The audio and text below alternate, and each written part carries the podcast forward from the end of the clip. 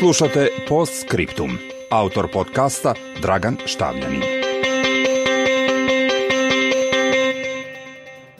Osim ugrožavanja zdravlja i života sve većeg broja ljudi, koronavirus je uzdrmala kinesku i svetsku ekonomiju, pogubnije nego SARS pre skoro dve decenije.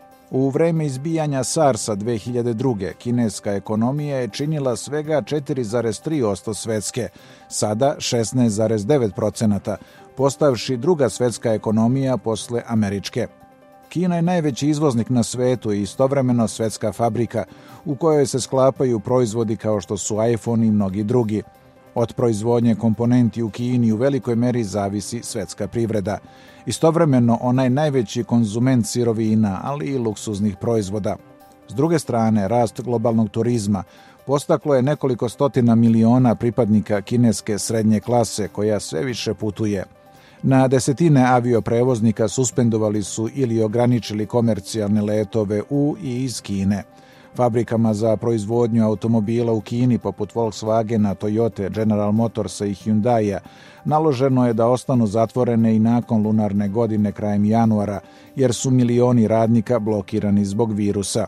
Evropski i američki proizvođači automobila upozoravaju da imaju rezervne delove za još samo nekoliko sedmica.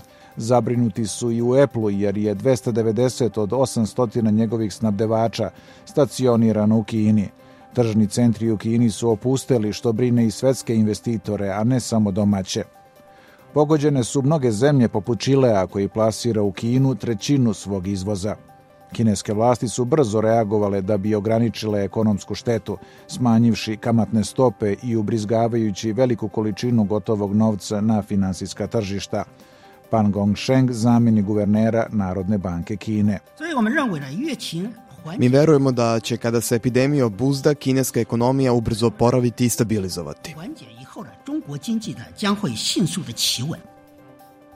Međutim, Kina je sada ranjivija nego pre 17 godina u vreme SARS-a, jer ima mnogo veći dug. Procenjuje se da će kineski ekonomski rast pasti sa 6,1% u prošloj na 5,6% u ovoj godini, a prema pesimističnim procenama čak na 3,7%. Pomno pratimo pojavu koronavirusa koji može izazvati poremećaj u Kini sa prelivanjem na ostatak svetske ekonomije. Šef američkih federalnih rezervi Jerome Powell. Najveće države potrošile su znatna sredstva za sprečavanje ekonomskog pada nakon finansijske krize 2008. U kombinaciji sa globalnim dugovanjima koja su tri puta veće od vrednosti svetske ekonomije, to znači da su smanjeni kapaciteti za reagovanje na ovakve krize. Istovremeno rastući nacionalizam, uključujući i ekonomski, otežava koordinaciju globalnog odgovora na ovaj problem. Ekonomske štete od SARS-a iznosile su između 30 i 50 milijardi dolara. Tada je bilo inficirano 8000 ljudi, a preminulo 750. Koronavirus se širi šest puta brže i za sada ne nazire mu se kraj. Samim tim ni posledice.